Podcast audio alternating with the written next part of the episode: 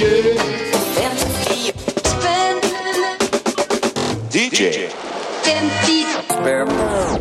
Ja, det är den tiden i månaden igen. Eller den tiden i veckan. Eller vad fan vet jag? DJ 50 spänn går inte som en klocka utan det ploppar ut ett avsnitt lite då och då när det är klart och när feelingen är den rätta och en härdad musikgrävare har pallrat sig till min grammofon med en kasse med vadå? Jo, fem eh, begagnade vinylskivor för 50 kronor. Jag som säger det här heter som vanligt Tommy Jönsson och min mission i livet är alltså att rota runt på musikhistoriens kompost.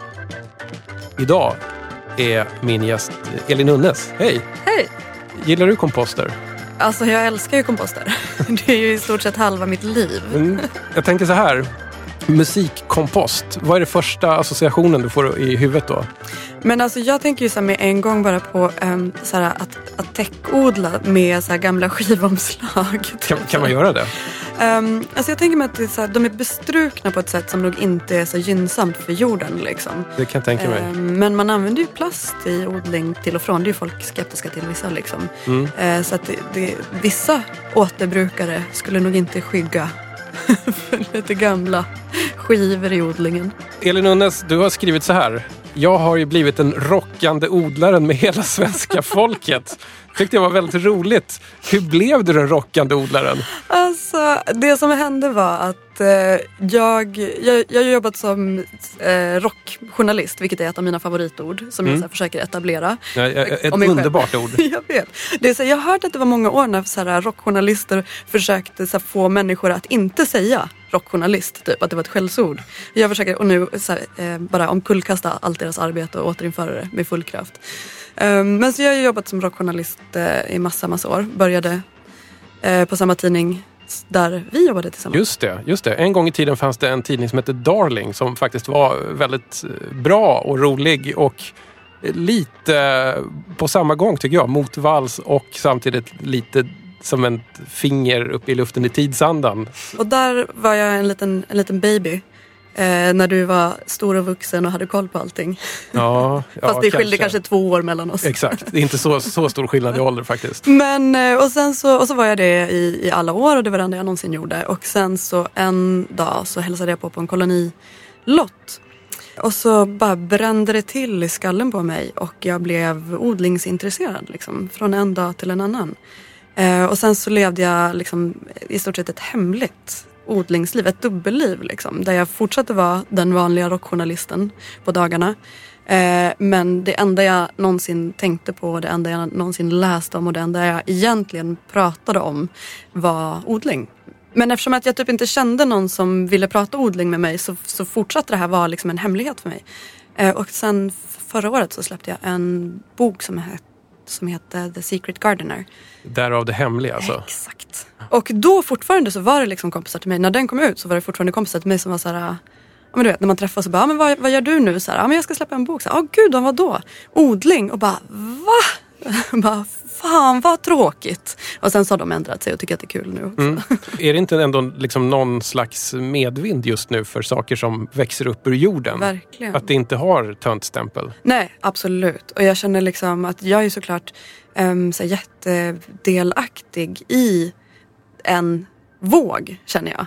Undertiteln på min bok är Dumsnåla tips för nygamla odlare. Och den gruppen känner jag mig som en jättestark del av. Det är en kombination av just så här gamla, sura, liksom originalmiljöpartister och eh, så här ung, yngre människor som är intresserade av att experimentera och kanske så här odla på ett så här lite, ja, det som kan uppfattas som ett fulare sätt. Ja. liksom. Friodling? Ja, exakt, verkligen. Och, så här, och det sker på tusen olika sätt och där finns det ju ingen så samstämmighet. Men just jag känner att den här liksom, motståndsviljan och oberoendet Eh, där ju liksom, så här, den gruppen jag känner att jag tillhör bland odlarna, det är där det på något sätt går över också till exakt den liksom, grupp som jag känner att jag tillhör inom den musik som jag lyssnar på. Liksom, att man strävar efter ett oberoende och att man använder det här man håller på med som en, en motståndshandling. Liksom. Kombinera rockjournalistik och odlande, har det funnits någon liksom, motsättning i det annars? Förutom just så här, du vet,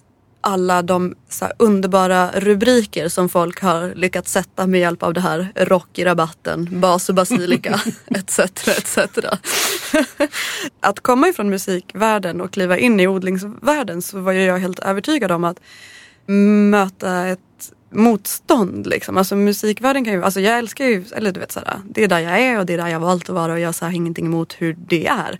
Men det kan finnas ett, en viss, ett visst behov av att bevisa sitt eh, sin nivå typ, eller sitt Ja. värde. Du vet, såhär. Man kan behöva mästra lite och sådär. Medan i såhär, odlingsvärlden har det varit såhär, enormt såhär, öppn, öppna armar och liksom, ja, men bara en generell såhär, superstor öppenhet. Och också att man kan såhär, begå misstag och vara öppen med det och inte bli såhär, dömd. Det låter som att man slipper lite sådär ayatollahs of rock'n'rollas. Till hundra procent. Och vilket också så här, var förvånande för mig för, för så här, på PGA bara allt man har uppfattat om så här, kolonivärlden med vet, så här, folk som mäter gräsmattor med linjal och sånt där. Att det är en ganska så här, fri, och, eh, vårat område i alla fall, är- det är en ganska så här, fri och tillåtande värld. Och också de jag odlar, alltså de odlare som jag känner att jag har någonting gemensamt med. Men sen så finns det ju även så likheter som jag inte kanske hade riktigt förväntat mig när jag blev intresserad och som kanske jag också söker mig till, att man namedroppar du vet så på samma sätt. Att det är så här, Deep- Deep Purple, det finns en morot som heter Deep Purple typ som är en så här, Fantastiskt. ja. För du vet morötter var ju, eh, blev ju orangea ganska nyligen liksom. Eh, Det, nej, det visste jag inte. innan det så var de liksom vita och röda och lila och, och orangea. Men så här, alla möjliga olika färger. Och de här liksom arvsorterna då. Jag tror, Deep Purple har någon form av gammalt liksom arv. Ja. Eh, de sorterna, de, de namedroppar man ju då till varandra och är såhär, jaha, så här, du, du kör den här, du kör Purple Haze. Typ. Men vad, vad är din musik då? Eh, alltså som jag lyssnar på generellt. Ja, Alltså jag har insett såhär, att jag är sån himla så här, pi- pilleplockehöna. Alltså till skillnad från ehm, de flesta andra så här, rockjournalister så är jag inte så här, du vet, jag lyssnar inte in mig klart på en genre och så här, köper alla de så här, du vet, nyckelalbumen, lyssnar in mig till 100% på dem och så här, ja, men, kan allt om det. Utan jag bara följer impulser. Vilket gör att min musiksmak är så enormt så här, okomplett. Att jag kan så här, ha bra koll på vissa grejer och sen vara helt lost på ganska närbesläktade. Men just nu så är det så här, ganska mycket Ja, men det, senaste åren har handlat ganska mycket om det som har typ så kallats för ockult rock för mig. Liksom, med Jex Tot och eh, Blood Ceremony och Sabbath Assembly och liksom det som är ganska så här, ja men det är en så ganska mjuk eh, liksom modern form av så här 60-talsrock med eh, liksom okulta eller satanistiska undertoner i. Ja. Så Jefferson Air, ett ondskefullt Jefferson, Jefferson Airplane. Typ sådär. Och nu precis har jag börjat liksom gå tillbaka lite mer mot så här ganska primitiv, du vet så här Mississippi Records. Eh, så den, den musiken som min man kallar för så här, träskburk. Ja. För att det låter som en, här, en tant som sitter i ett träsk och slår på en burk. Typ. men den typen av musik kan väl i princip vara det också? Åh gud ja. ja! Ja, ja, Någon som sitter och skriker åt sina höns i en lada eller någonting har råkat spela in det. Eller så. Eh, och den typen av musik är egentligen det som är så här, grunden i det jag lyssnar på. Primitiv musik. Ja. Stök. Nu är jag faktiskt otroligt eh, otålig här och vill, vill sätta igång eh, Ja. hela liksom skivkavalkaden här. Låt oss göra det. Chansningen. Ja, ja.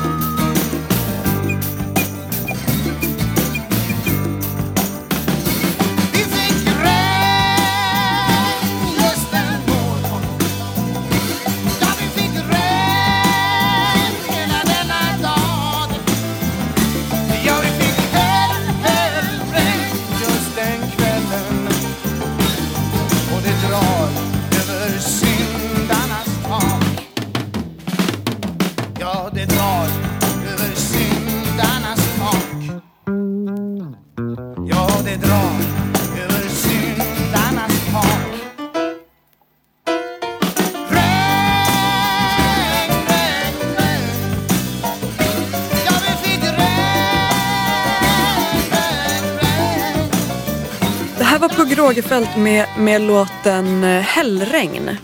Och det här är från en, en platta som heter Bamalama. Hur, hur mycket Bamalama är den här plattan? Jag tog den, jag chansade på den för att den första låten heter Bo Diddley och man älskar Bo Diddley. Eh, och Bo Diddley, låten som heter Bo Diddley visade sig vara en fars och eh, eh, så här, att spotta på hans minne. Och helt hemsk. Men däremot den här låten Hällregn är ju hur fin som helst. Och eh, jag känner att den vill vara väldigt Bamalama. Och den enda som kanske lyckas vara lite Bamalama är faktiskt Hällregn. Men den gillar jag däremot hur mycket som helst. Det, det fanns jättemycket saker jag gillade i den här. Det det var någonting härligt med den här slide-gitarren som enligt omslaget då trakteras av Pugg själv. Sen under låtens gång så pratade vi lite om hur, hur svårt det är att be, be, beskriva ljud och sådär. Men i den här låten så hörde vi till exempel ett piano som jag brukar, eh, jag brukar alltid benämna det fylleristpiano. Förstår du vad jag menar? Ja. Och det är ju det pianot man älskar. Eh, Och man vill ha trummorna som låter som någon som ramlar ner för en trappa. Exakt. Den är ju också, den här skivan då är ju Ja, varför, varför chansade du på den här? Ja men dels, dels så var det Bo Diddley-låten och sen så är den även inspelad i, mm, eh, nu ska vi uttala, Muscle Shoals Ja, jag tror, det tror jag är helt rätt. studion Ja. i, i Alabama. Tror jag. Ja, men, bara som någon form av eh, kvalitetsstämpel. Och sen i efterhand så läste jag lite om det här och att kanske, kanske att det valet av studio var kanske lite så spekulativt. Att han på något sätt ville följa upp någonting och behövde köpa sig lite cred och så här. Men jag känner i den här låten så, som jag tycker också påminner supermycket om eh, i början, Lynyrd Skynyrd's eh, Things Going On. Mm. Ehm, och eh, de refererar ju till Muscle Shoals, Lynyrd Ah, det. Mm. Ja. Men jag älskar bara att det är ett, ett, ett, ett svenskt Skynyrd typ. Mm. Eftersom att så, här, Freebird också är mitt roliga, min bästa låt slash mitt roligaste skämt. Brukar du ropa? Alltså jag, jag, typ, jag har önskat Freebird på liksom, du vet, såhär King Creosote-konserter och i barer. Och jag önskar så Freebird, så fort någon så här är tyst i en sekund så önskar jag Freebird. Har du liksom aldrig känt att, det, att skämtet har backfirat mot dig någon gång? Ehm, nej, Alla uppskattar det. alla älskar ett Freebird-skämt. Ja, Liksom. Den senaste jag önskade den av var eh, Henrik de la Cour under ett DJ-set. och där kände jag att det kanske fanns ett visst mörker i hans blick när han tittade på mig. Har du någon eh, ingång på PUG? Nej, eh, faktiskt ingen alls. Eh, Vet du någonting om PUG? Jag, jag både vet och vet inte så mycket om honom. Det, det känns som att han... eh, Nu, det här är faktiskt lite ur, ur egen erfarenhet. Ja. Nå, någon gång för massa år sedan så snöade jag in jättemycket på hans den här eh, Ja, det är det. Den här Just det, just det. klassiska skivan Ja. som var lite också så här, du vet, cool rock på svenska. Ja. Riktigt bra. Kanske den första som verkligen genomförde det. Jag tänkte, ja, men han måste ju ha tänkt mycket på det här. Vilken föregångare. Jag ringde upp honom och började snacka. Och, och, han, och då efter ett litet kort telefonsamtal så började jag inse att det går inte att prata så mycket rockteori med Pugg för han, han, han gör grejer instinktivt. Jag försökte liksom så här, men när du började skriva på svenska, vad, vad var det som så här, läste du någonting? Ja. Så här. Och då tänkte han ett tag och så sa han så här, nej men jag lyssnade jättemycket på Anita Lind, Lindbom. Eller Lindblom, heter hon så? Anita Lindblom, Sånt i Du vet livet. bättre. Ja, ja, ja. ja. Och tyckte så här, det, det tyckte jag var bra, bra texter på svenska. Men, bara, gud. "Ah, okej. Okej. Det är kanske inte så lätt att naila Pugg för Pugg själv. Nej. Utan det, det är upp till oss andra att göra det. Men jag måste bara, en, en, en mellanfråga. Ringde du hem till honom? Och jag lyckades hitta hans Slog du nummer upp i telefonkatalogen?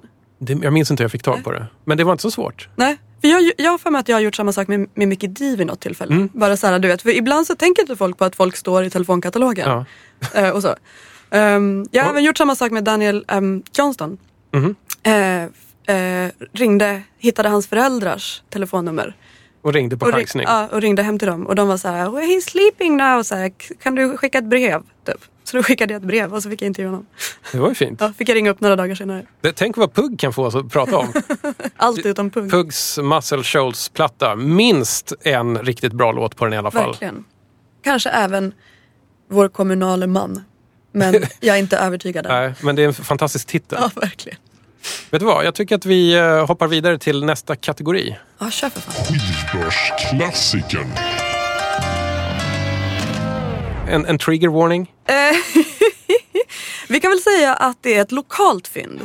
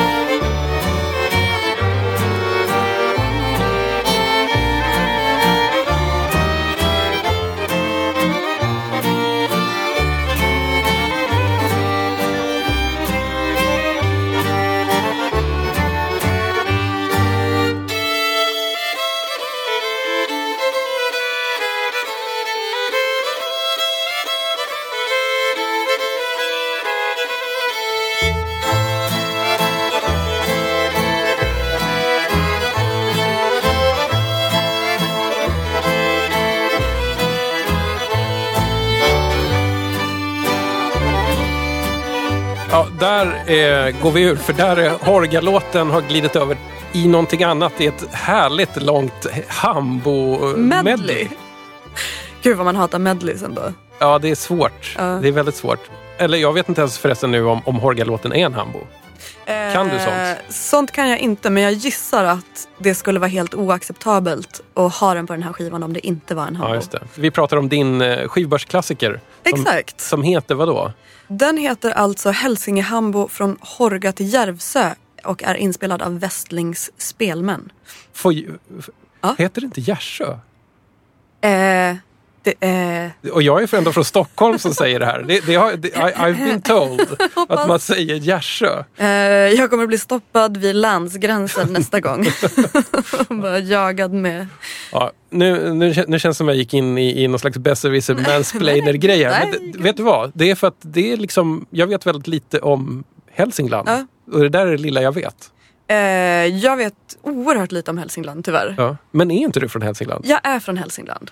Och jag var i Hälsingland när jag köpte den här skivan. Ah, det här är alltså den lokala skivbörsklassikern. Exakt. För jag känner inte riktigt igen den. Jag tittar på, på ett härligt omslag med hambodans inför ganska stor publik. Och jag tror faktiskt till och med att det är en, antingen är det en spelmanstävling eller så är det en alltså, hambo danstävling. För du ser han här till höger som sitter ner här med en, en liksom väst. Med nummerlapp på ryggen. Precis. Ehm, Men lokalt skivbörsfynd. Var köpte du skivorna? Den här är jag alltså köpt på Erikshjälpen i Edsbyn. Mm. Och det här är intressant tycker jag. För, och Erikshjälpen är öppen två dagar i veckan. Onsdagar och lördagar. Jag var här lördagen. Ganska tidigt, så här, strax efter öppning. Och det är så mycket folk. Alltså, Folk hänger på låset. Ja, och det är liksom en ganska så här vansklig promenad att ta sig dit. Det är liksom tio minuter längs en ganska hårt trafikerad väg utan trottoar. Och där promenerar vi liksom, vi Edsbybor.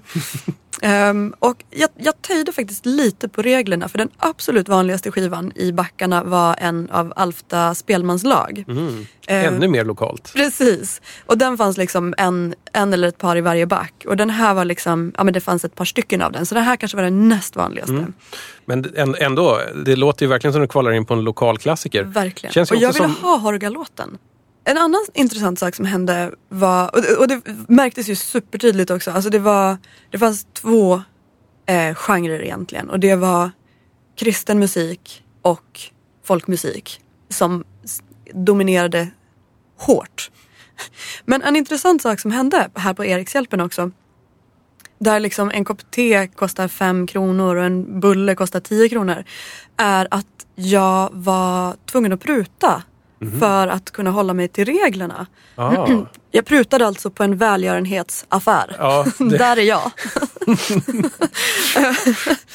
det här var en 15 kronors back alltså. Ah. Som jag plockade de här skivorna ur. Eh, och det var, de hade höjt för bara ett par veckor sedan.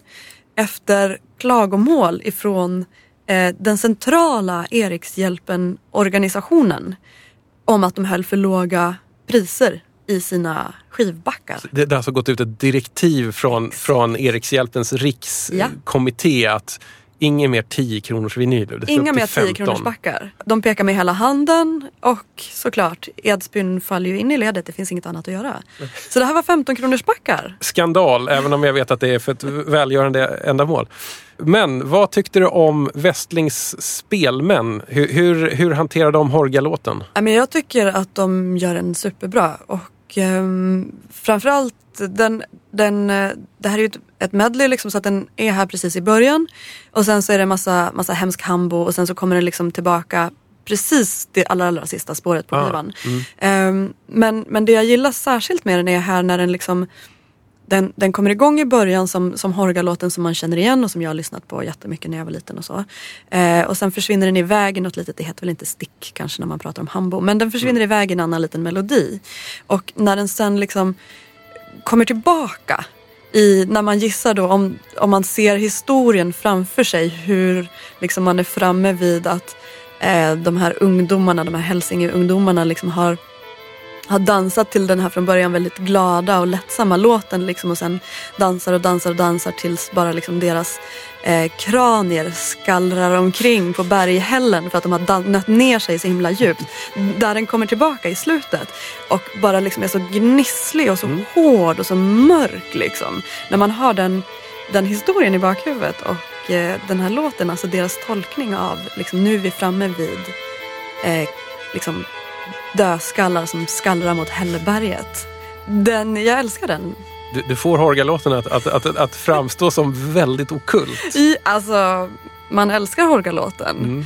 Och den här historien antar jag är allmänt berättad men i, i Hälsingland så berättas den ju såklart Ja. hela tiden. Mm. Jag- är väldigt svag för gamla proggbandet Kebnekaises eh, lite uppfunkning av Ja. Horga-låten. Vad, vad känner du för den? Men för jag lyssnade lite på den helt, helt nyligen för att jag faktiskt har varit på jakt efter, har jag varit sugen på att skaffa den. Ehm, så då har jag lyssnat lite på den och den är ju såklart superfin. Men jag kan nästan tycka att den är här, ännu mörkare i den här klassiska Hambo-versionen. Att det, liksom, att det svenska mörkret kommer igenom den på ett ganska effektivt sätt.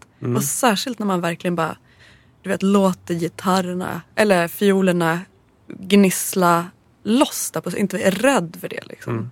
Då tycker jag att mörkret skiner igenom nästan Ja. ännu mer på den här. Ja, det är rätt speciellt med folkmusik att när det är gjort på rätt sätt så är det väl att det ska vara rejält gnissligt. Verkligen. Och jag menar, ett instrument som, som mungiga tycker jag också har så skitmycket mörker i sig. En, en eh, norsk eh, ja, artist eller vad man säger, band, musiker, person som jag gillar jättemycket som heter eh, Tåke. Som spelar liksom ja, men black metal egentligen men så den version kanske av black metal som man brukar kalla så black and roll kanske eller någonting lite nedsättande. Eh, och eh, han använder ju mungiga i sina låtar och där det, det instrumentet är fullkomligt hemma liksom. Och de är så ganska liksom, mycket vibrationer i de här instrumenten också som ju egentligen är skrammel. Har den någon ingång på folkmusiksvängen? Eh, nej, alltså jag måste säga, jag har lyssnat på ganska mycket black metal senaste åren. Och där dyker det ju upp ibland. Och där känns det som att, så här, på samma sätt som jag känner att, så här, jag, att så här, black metal är viktigt för mig att lyssna på för att det så förklarar våran geografiska plats och våran så situation i världen och så här, vad vi ser och upplever. Eh, Alltså i Norden och i Sverige. Liksom. Ehm, så, så, så dyker liksom det upp vissa så folkmusikelement i black metal och det fick mig också att höra andra saker i folkmusik. Berätta mer om Erikshjälpen Edsbyn. Ja, eh, precis. Nej, men det, här, det här var så himla intressant. För att jag åkte ju upp till Edsbyn med det här uppdraget, mitt DJ 50 spänn uppdrag i bakhuvudet. Ja. Jag åkte upp för att hälsa på min pappa och ehm, var helt övertygad om att det här skulle vara oerhört enkelt. Liksom. Min man skjutsade mig till skivstallet i Alfta som är en skitfin liten skivaffär där. Och så här, för det första, vi kommer in där, det är mitt på dagen, en fredag och det är liksom, du vet, så här, fyra, fem personer som står där och så här, bläd- bläddrar ganska intensivt. Och åtminstone en person går därifrån och handlar liksom skivor för 600 spänn. Du vet. En vanlig fredag typ. Har tagit moppen in till byn. Liksom. Och där fanns det inte heller någon 10 kronors back. Där fanns det en 25 kronors back. Fint ska det vara. Exakt. Och, ehm, då, men då plockade jag på mig eh, David Johansens en, hans debutalbum och lyckades spruta ner det till 20 eh, kronor. Du prutade ner med en femma. Exakt. De låter väldigt hårda på skivstallet i Alfta. Alltså. Alltså oerhört. Och att det var så här, ah, kan jag få den för så här, kan jag få den för 10? Och att de var så här, varför det? Bara, du vet i Stockholm ska den här gå för 40 minst. Är det så att Hälsingland är eh, stället där det inte finns 10 kronors vinyl? Eh, ja, Jag har bara eh, utgått från och hittills inte fått så mycket mothugg från den teorin att, att 10 kronor per album är någon slags loppisstandard i Sverige. Ä, Fast nu har det ju börjat hända någonting där. Att det är många som försöker ta lite mer. Men att i princip så har det gällt över varje ställe som jag satt ner min fot på i hela landet. det är ju det rimliga priset. Jag menar det här är ju, du vet, så här, även på skivstället där Okej fine, man, det fanns lite fynd, alltså man kunde köpa någonting för 25 som skulle ha kostat 40 Ja. i Stockholm. Och, och du vet så här, på eh, samma sak på, på Erikshjälpen, alltså man kunde hitta några fina skivor. Men alltså hälften av dem är ju du vet så här, skivor som folk haft med sig på stranden. Sönderspelat. Exakt, alltså det, det är inte, det är egentligen är det skräp. Ja. Så det, alltså, och det är fantastiskt att det säljs. Mm. Men så här, fem kronor hade varit ett rimligare pris. Alltså, jag fick bara en vibb av att det har att göra med på något sätt en, en vinylbubbla. Absolut. Vet du, jag har ett exempel på det. Ja. Eh, I, eh, för några månader sedan, i somras, så knatade jag in glad i hågen på en liten, liten loppis någonstans i norra Roslagen. Ja. Och där stod det en vinylback. Jag bläddrade igenom den och tänkte men det kanske finns någonting här. Det kommer väl inte kosta mer än en tia. Och då var det så att drog jag upp den obligatoriska Demis Roussos-plattan Forever and Ever. Med en prislapp som det stod 150 kronor på. Då började jag garva. Så jag bläddrade vidare och tog upp, ah, här kommer Gilbert O'Sullivan, Back to Front. Drar upp den. 150 spänn den också. Det, Det var som ett skämt. ingen- Jag började kolla, så här, är det dolda kameran? Ja, ja, ja. Liksom. Nu måste vi faktiskt hoppa vidare en kategori. Dags för den mest fruktade av dem alla. Let's do it. Random Access Vinyl. Nu känns det helt plötsligt som att jag är lite tillbaks i en korridor i högstadiet faktiskt.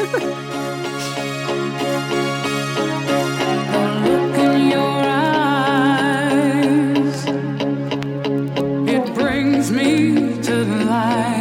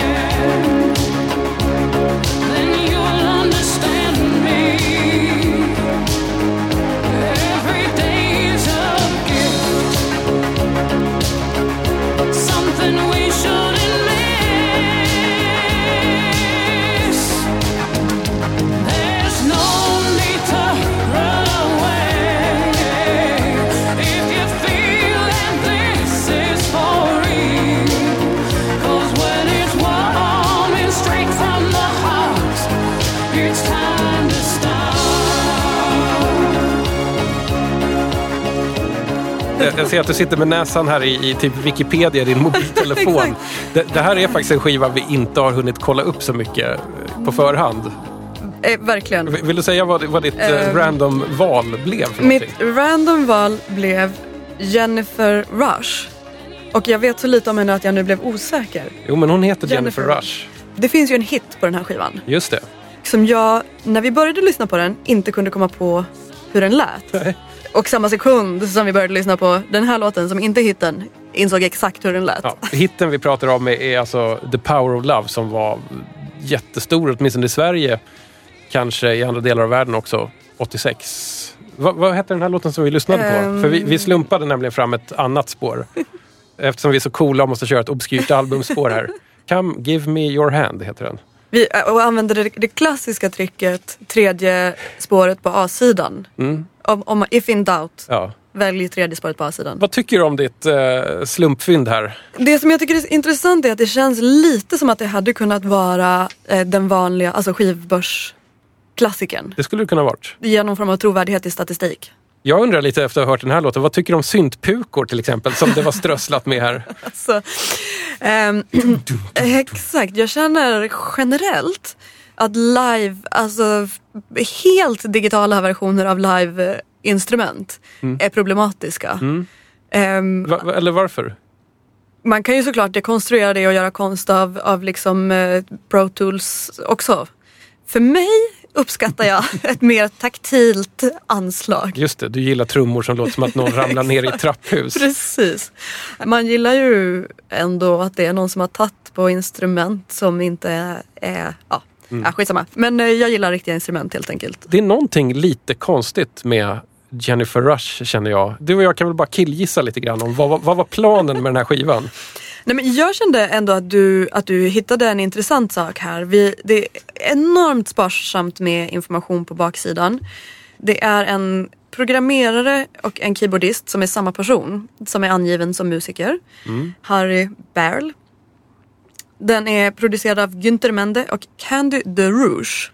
Det låter lite som namnen i en sketch om en tysk skivstudio Saturday Night Live. Günther Mende, eh, Candy the Rouge.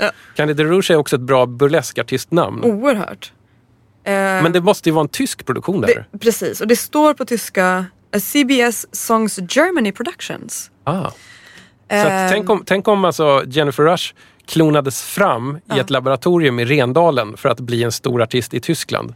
Hon är ju nu när du säger det, är hon även liksom märkligt lik hon i den här filmen, heter den Weird Science? Där Ja. två tonårspojkar bygger sin drömtjej. Ja, och är det inte någonting lite Nena-aktigt över Jo. henne? Det är lite punkiga håret, nå- någonting. Jennifer Rush är byggd för Tyskland. Vi, är vi har knäckt gåtan. Jennifer Rush-gåtan. Och i och med The Power of Love så betalade hon sig tusenfalt. Ja, nu, vi kör nostalgiköpet va? ja. Nostalgiköpet.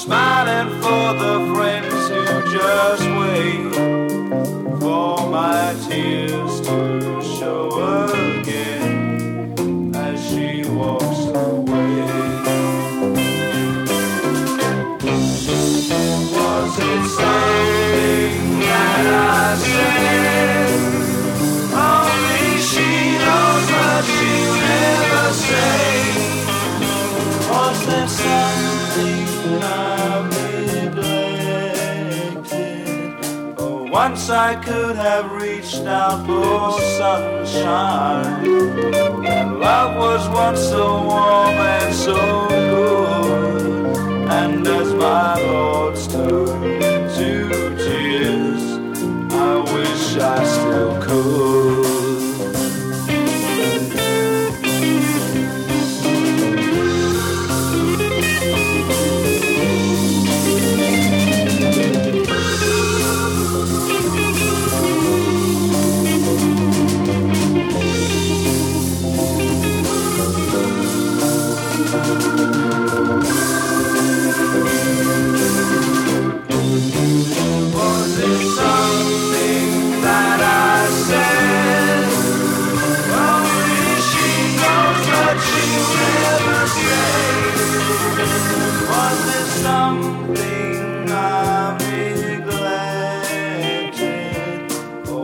I could have reached out for sunshine. That love was once so warm and so good. And as my thoughts turn into tears,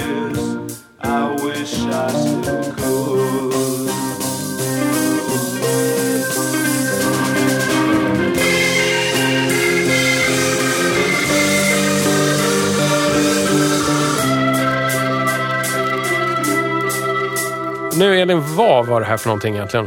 Eh, det här var ett band som heter The Fox med låten As She Walks Away hämtad från skivan For Fox Sake volym 1. Kul titel. De är ju också från Brighton. For Fox Sake. Den här är från 1970 har jag lyckats lä- läsa mig till. Ganska sparsmakat med info där ute på internet om den här plattan annars. Det här är alltså ditt nostalgiköp. Det här är mitt nostalgiköp och av anledningar vi kommer till Alltså? eh, så var jag tvungen att, eh, för att inte spräcka min budget, så var jag tvungen att köpa den här för fem kronor av min pappa. Oj, oj, oj. Du gör dig skyldig till ett enormt regelbrott. Jag kan säga så här att vissa av DJ 50 Spänns stammislyssnare, de ser inte med milda ögon på sånt här jag alltså. förstår, jag förstår. Så du får liksom akta dig när Ja, du ja. rör dig runt på stan. Det är ett, ett livslångt problem med auktoritet och regler som här tar Ja. sig ett flammar ut i någon form av galenskap. Ja. Den här är då en skiva som eh, har funnits i mitt hem sedan jag var liten. Det, här, det är mycket av det här som har utspelats i Edsbyn under de här Ja. shopping, den här shoppingen och absolut den här, är, den här skivan är alltså från mitt barndomshem. Och det här var egentligen inte den jag så här, lyssnade på mest när jag var liten.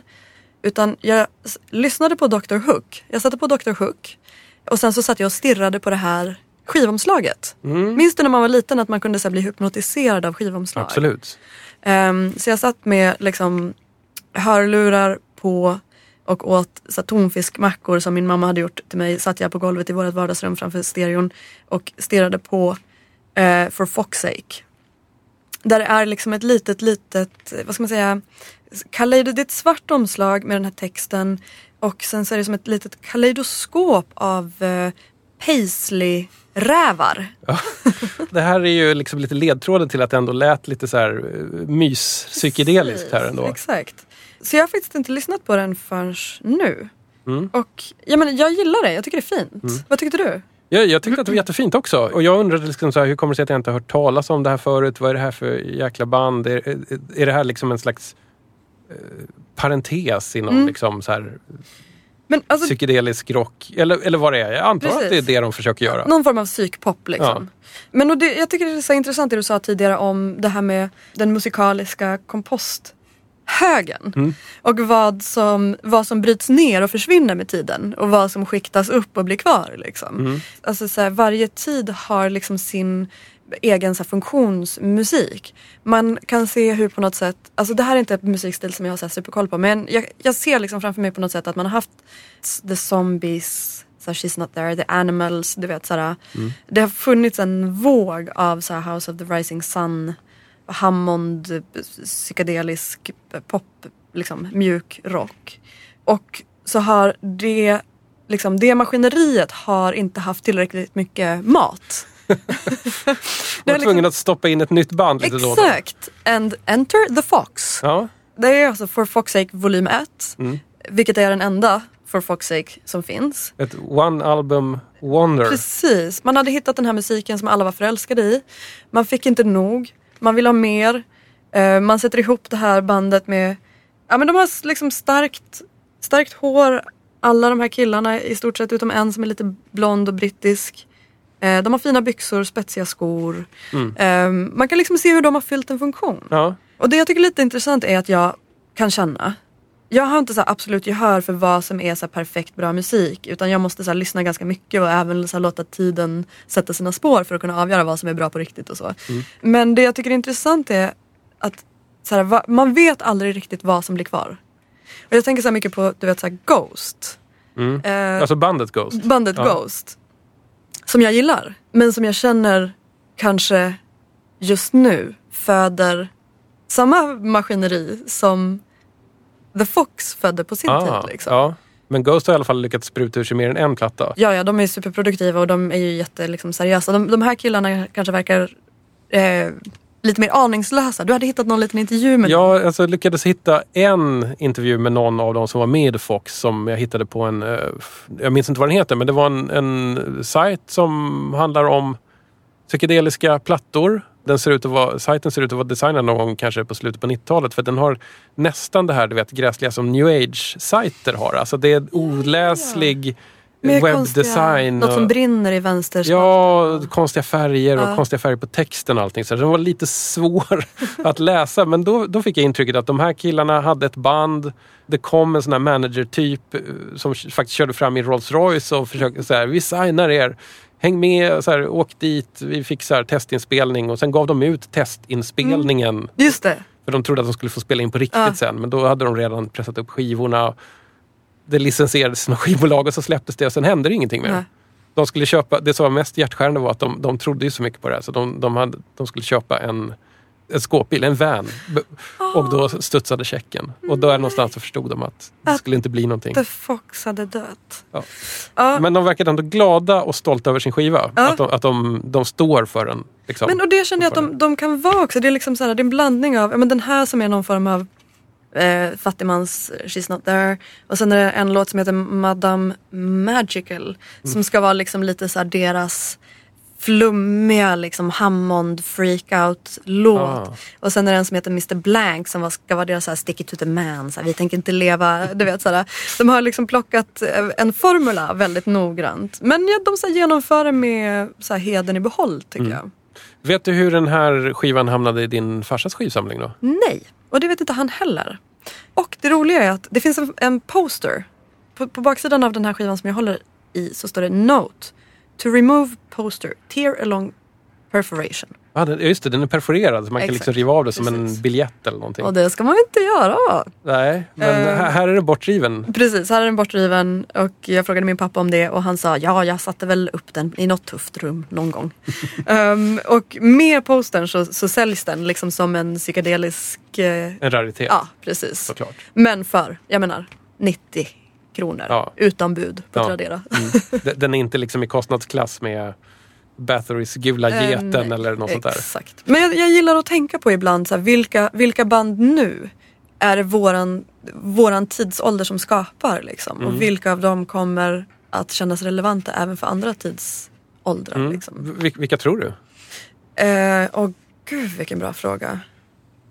Det känns som att Ghost Ja. kanske, kanske du tror... Det är där som jag så står och väger väldigt mycket. För jag kan se så här hur de har gjort saker som är väldigt speciella. Men jag tror inte att vi lyssnar på dem med öppna öron. Jag Mm. tror inte att vi hör riktigt hur Ghost låter egentligen. Och jag tror att man, man kommer att lyssna tillbaka och kanske höra mycket mer av ABBA-influenserna i framtiden. Ärligt talat, jag, jag, har hört, jag har lyssnat väldigt lite på Ghost. Men första gången jag tänkte att nu ska jag lyssna på det här Mm. Ghost som alla pratar om och som ha- har så, en så härlig eh, zombie-påve Mm. som frontperson och allting. Och så lyssnade jag på det och så tänkte jag så men gud vad mesigt. Mm. Jag kunde inte riktigt läsa av det. Jag fattade liksom inte att det skulle vara så eh, mjukt som det var. Men och det, det är det jag menar. Jag tror, för du vet så man går på stan och ser så här, alltså folk med så här kamphundar och halstatueringar och en Ghost eh, t-shirt liksom.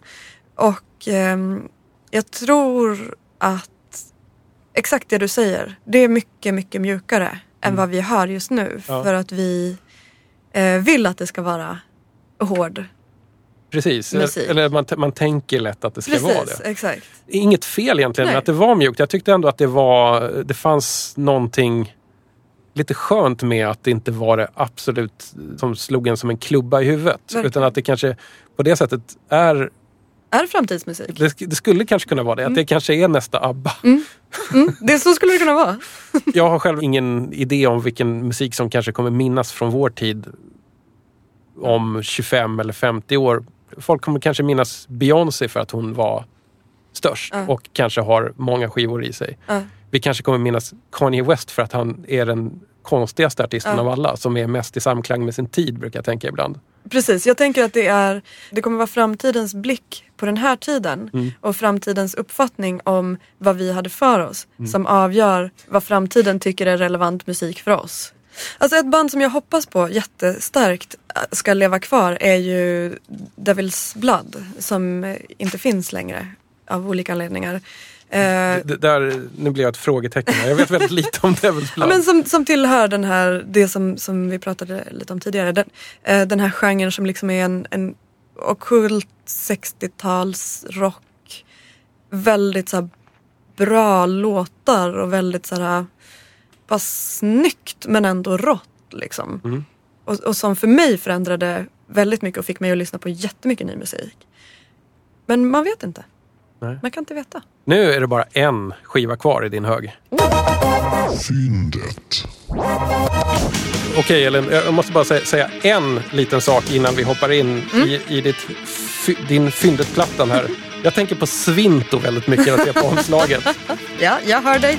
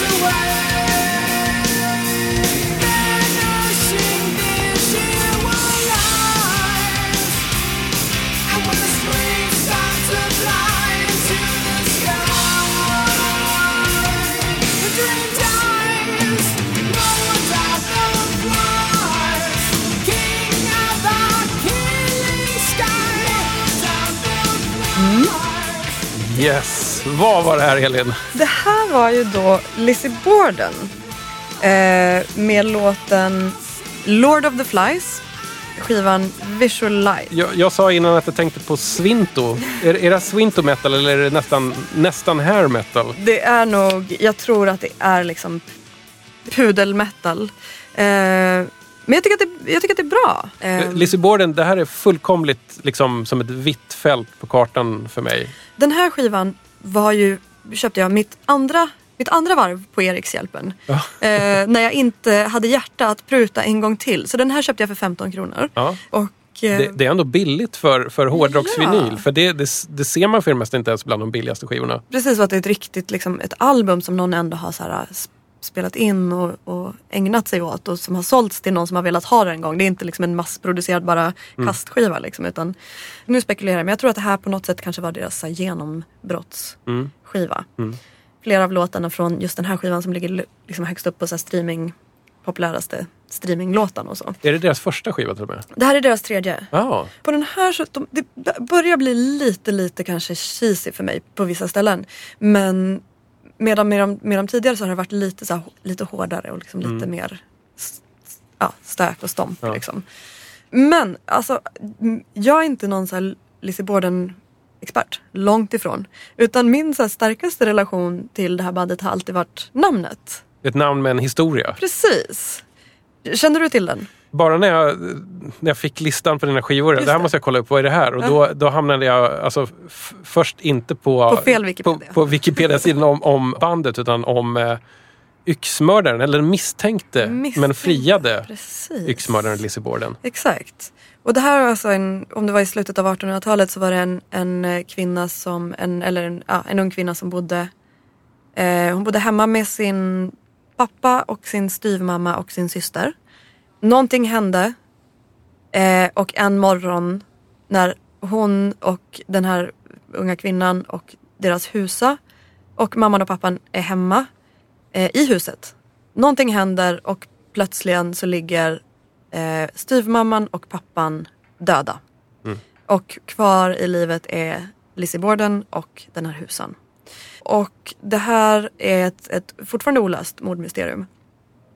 Hon blir gripen av polisen och, och hon blir liksom förhörd och hon har inget riktigt alibi. Men hon får ändå så här åka hem tillbaka till huset igen. Och det är lite så här poliser där som, som liksom kommer in i köket när hon står och bränner sina kläder och de är så här, nej men hej Stumpan vad håller du på med? Och hon är så här, nej men du vet jag bara vårstädar lite. Och, och de liksom pysslar på där och hon är och pillar med de där yxorna nere i källaren. Eh, och, eh, så. och efter ett tag så börjar det väl in, folk börjar inse att det här det var ingen annan i huset liksom.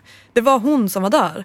Och det är brut, alltså ett brutalt dubbelmord. Nu är inte jag superinläst på just det här fallet men, men där det väl känns som att man i slutet på 1800-talet kände att det här kan, en ung kvinna är inte kapabel till att slå en yxa i ansiktet på någon. Liksom. Och ehm, hon friades och ingen annan har någonsin åtalats för det här mordet. Det är liksom backstoryn till namnet Lizzie Borden. Och Lizzie Borden-bandet har ju då plockat upp det här. Eh, Med yxor. precis. De, de är axe murderers med Mm. sina då, eh, gitarrer. Ja. Och Ehm, fanklubben heter The Axe Club. Exakt, precis. Så de tog den här fruktansvärda händelsen och gjorde Ja. det till något lite ändå härligt och lustigt. Mm, mm. Ehm, och den här låten valde jag för att jag satt och lyssnade på den här skivan hemma. Ehm, och så var min snubbe var så här, äh, vad fan det låter ju som Bark at the Moon. Ja, Osbourne-låten. ja, ja, ja. När, precis när den börjar. Och så blev jag... Du vet när man så här, sugs in i så Google-vortexen. Absolut.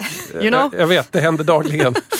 Så var jag liksom ja, men, tvungen att försöka hitta om det fanns en koppling mellan eh, Ozzy Osbournes Bark at the Moon och Lizzie Bordens eh, Lord, Lord of the Flies. Och för det första så är ju omslagen är ju lite lika faktiskt. Mm. Ja, Eh. det, det, är, det är ett fantastiskt omslag. Alltså, det, och det var det som fick mig att utbrista svinto innan låten. Att Lizzie Bordens sångare, tror jag det är, so- som också kallar sig för Lizzie Borden, Mm. Exakt.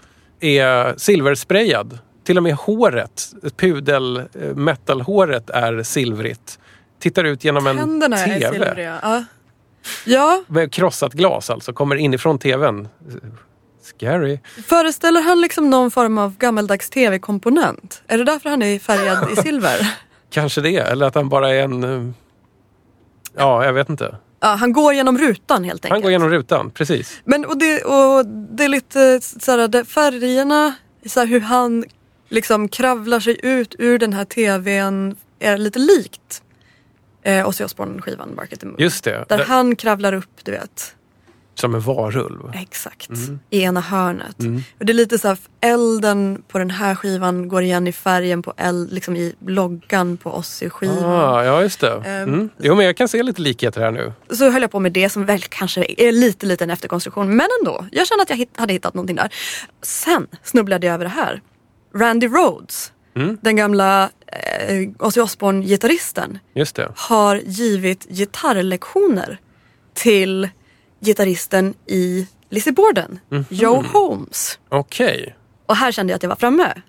Tills jag insåg att Bark at the Moon kom ett år efter att Randy Rhodes hade dött. Mm. Han var inte med där. Istället är det Jake E. Lee som spelar på Bark at the Moon. Eh, jag googlar vidare och inser att eh, Joe Holmes, Lizzie Bordens gitarrist, har varit gitarrtekniker till Ah. Jake E. Lee. Och numera, eller mellan 95 och 2001, har spelat i med Ozzy Osbourne. Där ser man. Vad säger det här? Ja, det, det är väldigt sammantvinnat här på något sätt. Det, men det, då, då kan man nästan säga så att Lizzie Borden, den här Lizzie Borden-plattan är liksom så här i skuggan av Ozzy Osbournes Bark at the Moon på något Verkligen. sätt. Och nu kommer alla dina, alla, alla dina s- s- såhär, trogna lyssnare kommer att mejla in och förklara att det finns en jättetydlig, välkänd koppling mellan de här två. Ja, ja, men det gör, det, Eller det, gör det säkert. Men det Eller att låtarna inte liknar Det, det är helt okej. Sanningen är den att jag har aldrig liksom riktigt, riktigt fastnat i liksom metal eh, grejen. Nej. Och då undrar jag lite så här, vad är det som är fel med mig? Varför funkar det inte på mig? Jag har haft supersvårt för hårdrock i Mm. hela mitt liv i stort sett. Ett av mina största problem har varit att jag inte klarar av teknisk musik eh, och att det är så himla mycket hårdrock som är teknisk. Och jag gillar en ganska, jag gillar en ganska så punkig låtstruktur medan band som liksom Iron Maiden eh, och så, alltså, de kan vara ganska lösa liksom. Att de har inte så här, du vet man brukar alltid prata om att så här, bluesen är ursprunget till all populärmusik typ. För att det är ett ganska hårt format. Precis, exakt. Och där så här, hårdrock ju kommer från en annan plats. I, I min hjärna hamnar det på en annan plats. Liksom. Den enda riktiga så här, hårdrock som jag lyssnar på är det är framförallt black metal. Liksom, för att det är, det är så hårt och det är snabbt och det finns det finns ganska primitiv em, black metal vilket är det den musik som jag förstår. Liksom. Och nu med åldern så har jag liksom lärt mig att lyssna på lite av det här mer såhär, det som är lite mer cheesy, det som är lite mjukare och kan, kan gilla det jättemycket också. Men eh, jag vet inte om du känner igen dig alls i det här? Ja, men kanske. Du, du gillar ju flummig musik. Jag, jag gillar flummig musik och, och för mig kan det få vara... Det ska helst inte vara tekniskt. Det kan, få, det kan få vara ganska, liksom, vad ska vi säga, avancerade tankar bakom och teorier och liksom sånt där. Men, men För du lyssnar mycket på kraut, eller hur? Ja, precis. Men där är man ju ganska ofta, det, det finns ju även lösare, flummigare och, och liksom lite, lite mindre formaterade tidiga Tangerine Dream som bara är f- flummigt som, som kan vara härligt. Men, men de banden jag gillar är ju de som har egentligen rensat bort det onödiga och egentligen bara kör på en enda lång raksträcka. Liksom. Och vad det gäller hårdare rock så, så, så för mig är det lättare ju mer blues eller rock'n'roll eller punk där. Ja. Om jag måste välja mellan Iron Maiden och Motörhead så är det Ja. ganska lätt för mig att det är Motörhead för att där finns energin och det är aldrig Ja. tillkrånglat och låten tar slut ganska snabbt. Ja. Och jag är på, på exakt samma, samma plats liksom. Men, men anledningen till att jag frågar vad, vad, vad är det för fel på mig är att jag, jag har ju liksom Det är ju någonting eh, Nu ska jag inte säga att det gäller all metal men, men metal, metal och hårdrock i stort är ju det folkkäraste som finns. Mm. På, på något sjukt sätt så är det så. Och då undrar jag liksom att varför, varför Ja, ja. fattar inte jag vad det är alla gillar här när de kommer med dubbla baskaggar och allting. Men eh, precis, och triggade trummor och allt annat härligt de håller på med. Men ibland så kan jag också ha problem med att det blir så lite trångt runt band. Det kan liksom vara så svårt att höra hur någonting låter. Ehm, Alltså rent i, i musiken liksom. ehm, nej, utan rent känslomässigt. Okej, att det är för många som älskar dem. Ja, att det är så här, min kärlek kommer aldrig att nå upp till så här, hur, hur, alla hur mycket alla andra älskar det här bandet. Ja. Och jag har haft så här problem med Motörhead på det sättet. You know, du vet, så här, för att det finns människor som älskar Motörhead så mycket och som har lyssnat på dem så mycket. Jag kommer aldrig någonsin att kunna älska Motörhead lika mycket som de som älskar Motörhead. Och då kan jag ibland känna mig lite så här halv, ett halvfan. och sen så så måste man ju släppa det såklart för man älskar ju Motörhead och så måste man lyssna på Motörhead. Eh, så det löser sig. Men, men det kan vara väldigt mycket folk kring de här banden. Liksom, Som kan försvåra lyssnandet tycker jag. Vad skulle du säga om Lizzie Borden? Är det här ett band som har fått för, för lite eller för mycket kärlek? Nej, men för det det jag känner lite så här, du vet när saker så här, siktas igenom tidsåldrarna så känner jag ändå att så här, det, här kan väl få, det här kan väl få följa med också. Lika gärna som att Mötley Crüe följer med så kan ju det här få vara så här härligt nu. Det- och det- också att ja. jag i många, många år utgick ifrån att det var ett, ett, eh, ett kvinnligt Mötley Crüe. Ah, Och blev så enormt besviken. men det hade ju varit fantastiskt. Hade inte det varit bra? Varför startade ingen det band? Ja, Eller det kanske de gjorde, förlåt. Det kvinnliga Mötley Crüe där ute. det blinkade till en grej i huvudet på Rock's mig. Nej just det, det var killar. Vixen. Ja. Med två X. Ja. Men de kanske inte lät så mycket som Mötley Crüe. Eh, nej men de är ju trevliga också i sin egen... Ja, man ska Ja. ju inte säga att någonting är en version på någonting annat heller. Det Nej, det, det är lite, lite elakt. Plus i kanten för dig var att du faktiskt kommer med en hårdrocksskiva. För det är inte så vanligt Nej. i DJ 50 spänn. Nej. Faktiskt. Jag, är, jag är nöjd själv. Eh, Elin, nu är det så här att eh, det börjar bli trångt på minneskortet i min lilla fyrakanalsbandare. Eh, programmet är snart slut, Mm. men jag måste bara ta upp ett härligt litet citat från din odlingsblogg som ändå har musikkoppling. Ja. Då har du skrivit så här. Pans panflöjt var förmodligen gjord av sju tor- torkade odörtsskälkar. Slut på meddelandet. Var i helvete hittade du den kvalitetsinformationen? Alltså, eh, ibland när man blir intresserad av odling så måste man sitta uppe hela natten och dricka vin och läsa allt man hittar om odört. och bara så läsa mer och mer och mer om odört. Och till exempel att eh, Carl von Linné rekommenderar att man inte ska sitta hemma och bränna odört i en torr kittel för att då samlas demonerna. Det här är ju, alltså odört är ju en ganska klassisk häxört liksom, Ja, ja. som man brände för att få visioner. Den är ju väldigt, enormt giftig. Och eh, som folk liksom satt och inandades för att liksom få kontakt med andra världar och sånt. Och det här liksom lägger, lägger Linné fram som ett, bara en fakta. Såhär. Var lite försiktig med odörten, du kan dra på dig demoner. Ta det lugnt. Och även liksom i, i, en, annan, i en annan bok så bara Pan eh, flöjtade odört. Mm. Och Pan som också ju är ens favorit halvgud. Ja, men precis. Som har någon koppling till liksom det otämjda. där. Verkligen. Det, det är konstigt att hans instrument hamnade i händerna på George Samfir och Dana Dragomir.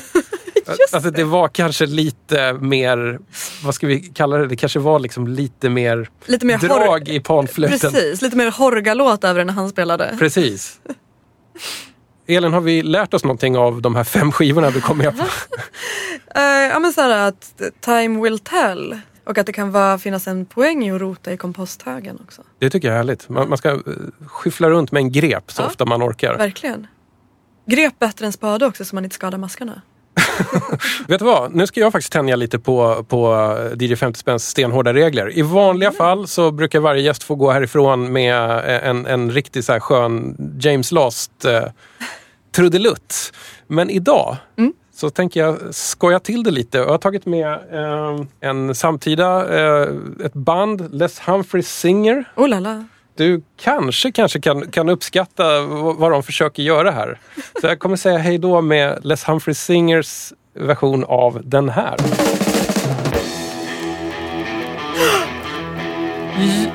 Ja! Du, du måste ju förstå att det här är väldigt, väldigt hårt för att vara Les Humphreys Singers. With my woman cause she couldn't help me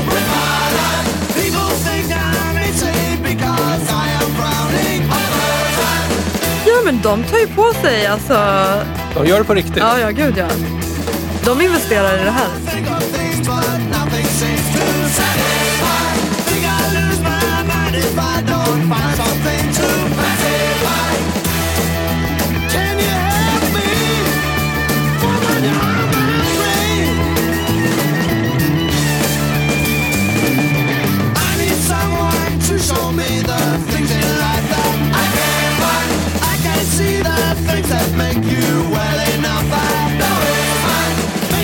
broken.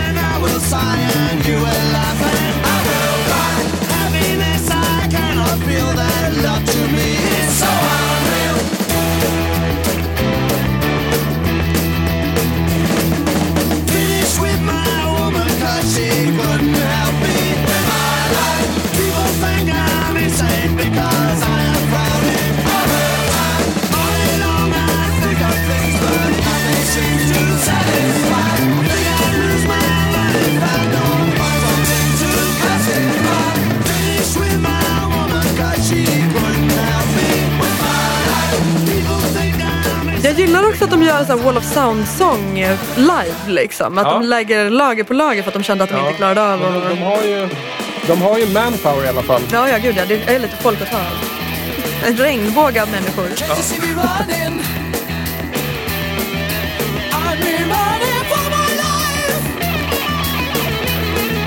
Guess I'm now coming. Guess I'm in running for my see the witch? Can't you see the witch? Can't you see the witch by my